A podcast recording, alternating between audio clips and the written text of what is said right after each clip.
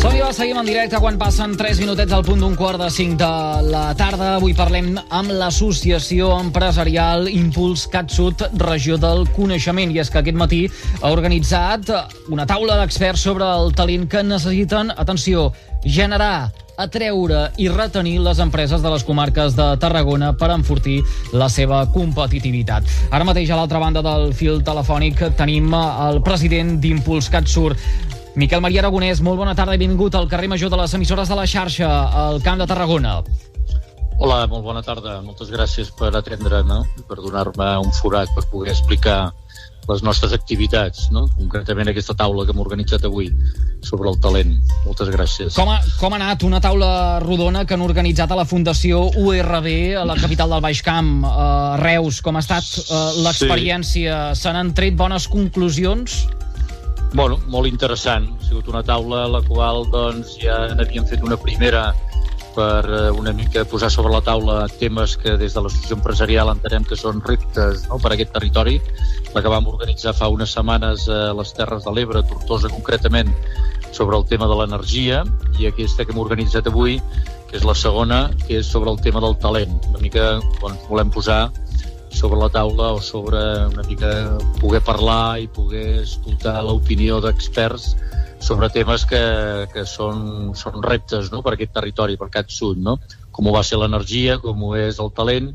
En farem una també properament al Vendrell per parlar de la mobilitat eh? i posteriorment una altra que ens permeti una mica recapitular tots aquests temes. La d'avui sobre el talent, com es va organitzar la de l'energia, doncs, bueno, han participat eh, una mica amb la línia de, de la nostra manera de treball o de la forma que nosaltres treballem, doncs, eh, persones que venen del món de la universitat, eh, gent que també ve del món de, de l'empresa, de l'empresariat, en aquest sentit hi havia representants de la PIMEC, també de la CEPTA, també del món sindical, també de UGT, de comissions obreres, eh, i també doncs, de, del món de l'administració i de, i de la societat civil, no? també persones amb experiència en tots aquests temes que ens poden aportar coneixement i ens poden fer recomanacions de cara a com avançar eh, des del punt de vista d'aquest territori no? per anar fent front als reptes que tenim. No? Tenim un decalatge molt important entre amb un grau d'ocupació molt baix, és a dir, tenim un grau d'atur bastant alt,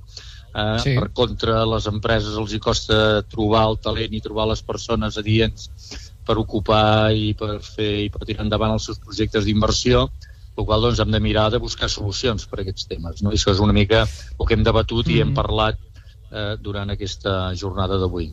Mm.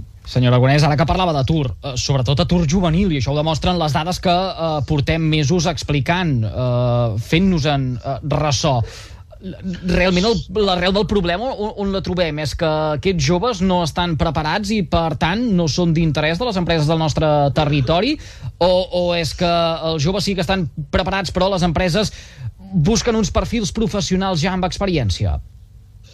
Bueno, hi ha, el que és cert és que hi ha un decalatge, vull dir, hi ha una, hi ha una falta de, de comunicació. Eh? És a dir, eh, potser les persones, com les formem, amb, quines, amb quins títols, amb quins coneixements els hi donem una mica per tenir aquest talent i el que necessiten les empreses va com amb carrils diferents. No, no acabem de trobar la manera de que això coincideixi, que, no? experiències com les d'Alemanya que van potenciar ja fa més de 40 anys, no? com ens explicava algun dels ponents, tot el tema de la formació eh, professional dual, que és una experiència molt exitosa i que no hem sigut capaços de... Bueno, ara hem començat, no? Hem començat a fer algunes coses, concretament a través del clúster TIC i d'alguns sectors molt concrets s'ha buscat aquest apropament no? entre el que és eh, el talent i la formació i, i el jovent i quines són les necessitats de les empreses, però encara hi ha molt per recórrer, hi ha molt per fer. Vull dir, la prova és, com dieu, aquest grau d'atur juvenil que tenim i, i el grau d'atur en general, també persones que es volen no? que volen una mica recol·locar-se en altres sectors i que no tenen la manera de, de veure com s'han de formar i com s'han de preparar per poder accedir, no? per poder optar a aquests eh, llocs de treball. bueno, són coses que, que s'han debatut, que s'han parlat i que tant des del sector empresarial com el sindical, com experts que han participat de la Fundació Talentea o també de la Universitat de Girona o de la URB o de la pròpia Diputació han posat temes sobre la taula que ara doncs, haurem d'anar una mica reflexionant, una mica traient-li una mica el, les conclusions i veure una mica quines mesures o quines polítiques podem intentar promoure no? o posar en marxa a veure, des del nostre sector per promoure-ho, doncs, sigui a l'administració, sigui a les empreses i, i intentar anar mm. buscant solucions. No? Mm. Senyor Aragonès, això ens passa en altres? És a dir, eh, és una problemàtica que patim al camp de Tarragona o eh, podem trobar símils en d'altres punts del país o, o, o fins i tot de l'Estat? Bueno, eh, el que és cert és que sí, és una problemàtica bastant general però això no vol dir que hi hagi... Nosaltres hem visitat doncs, eh, comarques... Per exemple, hi ha una comarca al nord d'Espanya, de, que és eh, eh, una comarca que m'agrada a mi posar-la com a exemple, perquè la vaig estar visitant, que és Goierri, que és allà al municipi de Beasain, a prop de Sant Sebastián, que en el seu moment van tenir una crisi molt important eh, derivat de tot el tema de la siderúrgia, del ferro i de més, van tenir un grau d'atur molt alt i que arrel d'això van crear una agència que es diu Agència Goyeki, on eh, és una agència pública que van promoure els ajuntaments del territori, també amb el suport del govern basc, però també amb una important eh, vinculació o compenetració amb tot el sector empresarial per mirar de buscar aquelles solucions que d'alguna manera havien de permetre recol·locar tot aquest atur que tenien. I el cert és que ara Go Goierri, aquesta comarca, té un grau d'atur del 4%, deu ser dels més baixos d'Espanya i té una renta per càpita també de les més altes i, i entenem, i almenys per el que ens expliquen allà els responsables, que el fet d'haver posat en marxa aquesta agència, aquesta entitat que ajudava una mica... Bueno, això una mica en el nostre discurs, no? igual que l'altre dia que parlàvem de l'energia, no? una mica ens porta que, bueno, ja ho veurem una mica quan debatem les conclusions, però ens porta una mica doncs, que potser necessitaríem també eh, alguna entitat territorial aquí de Catsut no? que ens ajudés una mica a avaluar aquests reptes que tenim i el del talent i del grau d'ocupació i de l'atur i tal és un, independentment de que pugui ser general també a Catalunya o altres regions, però bueno, el cert és que ho patim aquí i hem de buscar solucions i potser la posta en marxa i, i veure quines experiències hi ha en altres territoris que, en les quals nosaltres ens puguem en, en, eh, eh, eh, el qual puguem una mica intentar copiar no? I, i per tant doncs, poder posar en marxa doncs es pot, ens pot ajudar no? bueno, estem una mica amb, aquesta, amb aquest debat no? amb aquesta amb aquestes mm. reflexions.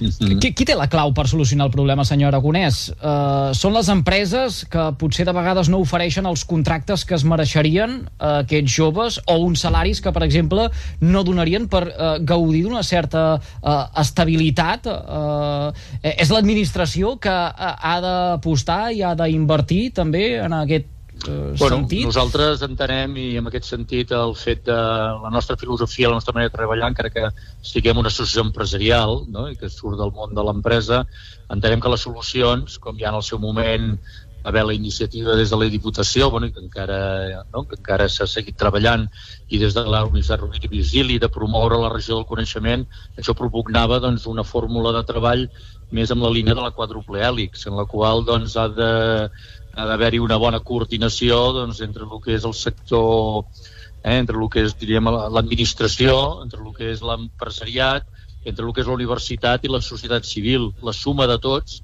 és el que ens permetrà una mica buscar, trobar aquestes solucions i posar-les en marxa.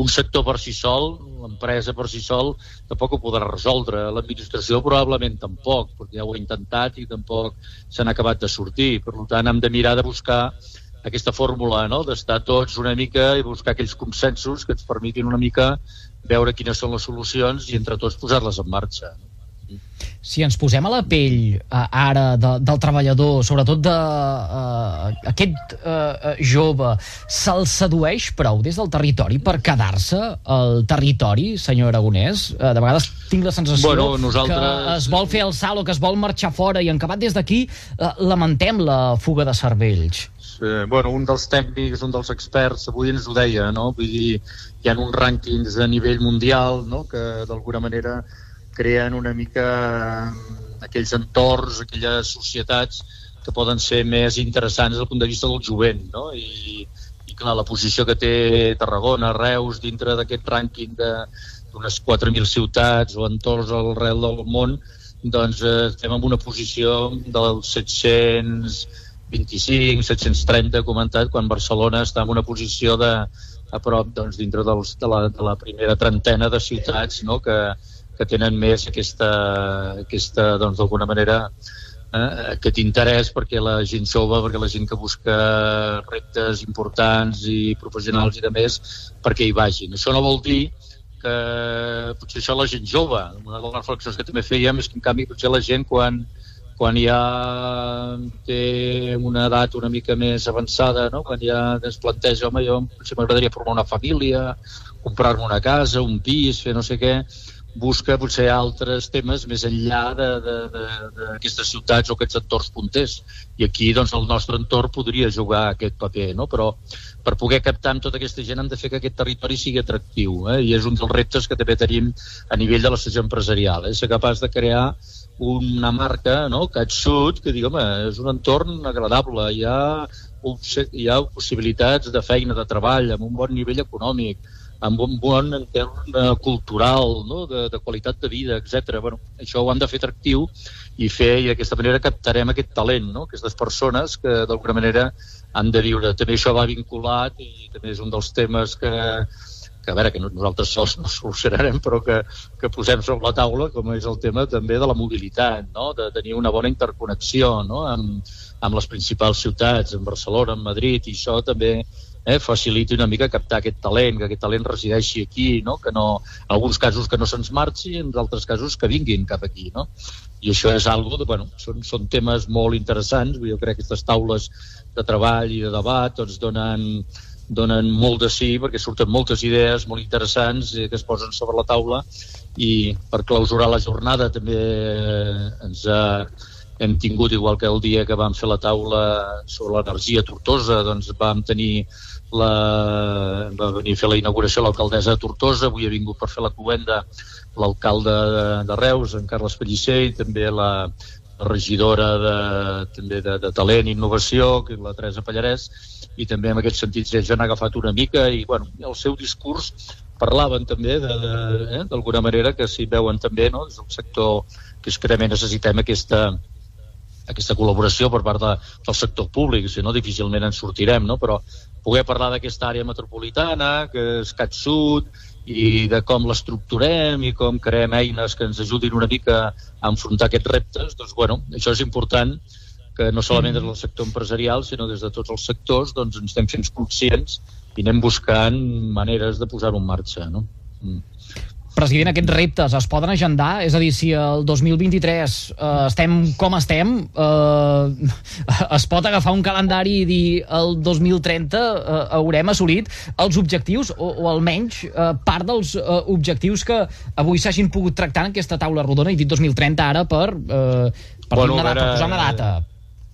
Aquest territori nosaltres tenim reptes molt importants que, a veure, per sort, a diferència potser d'aquesta comarca que li comentava abans del País Basc, de Goierri, quan van crear aquesta entitat, aquesta agència, ja va ser el moment en què va plegar tota la siderúrgia, tenien 3 o 4.000 persones a l'atur al carrer i va ser una situació molt crítica i va ser quan van crear. Nosaltres, per sort, no estem en aquest moment, però això no vol dir que no tinguem aquests reptes. Quan vam fer l'altre dia la taula sobre l'energia i també a la taula hi havia l'alcalde d'Escó, doncs clar, es fa palès el que ja tots sabem, no? que d'aquí uns anys, eh, 10-12 anys, doncs eh, probablement aquests grups que tenim de les centrals nuclears, tot això es tancarà i tots les, els llocs de treball vinculats amb tot això poden entrar o entraran forçosament en crisi. No? També tenim una indústria química aquí molt depenent de, avui per avui de, doncs, de tot el tema del que són els combustibles fòssils.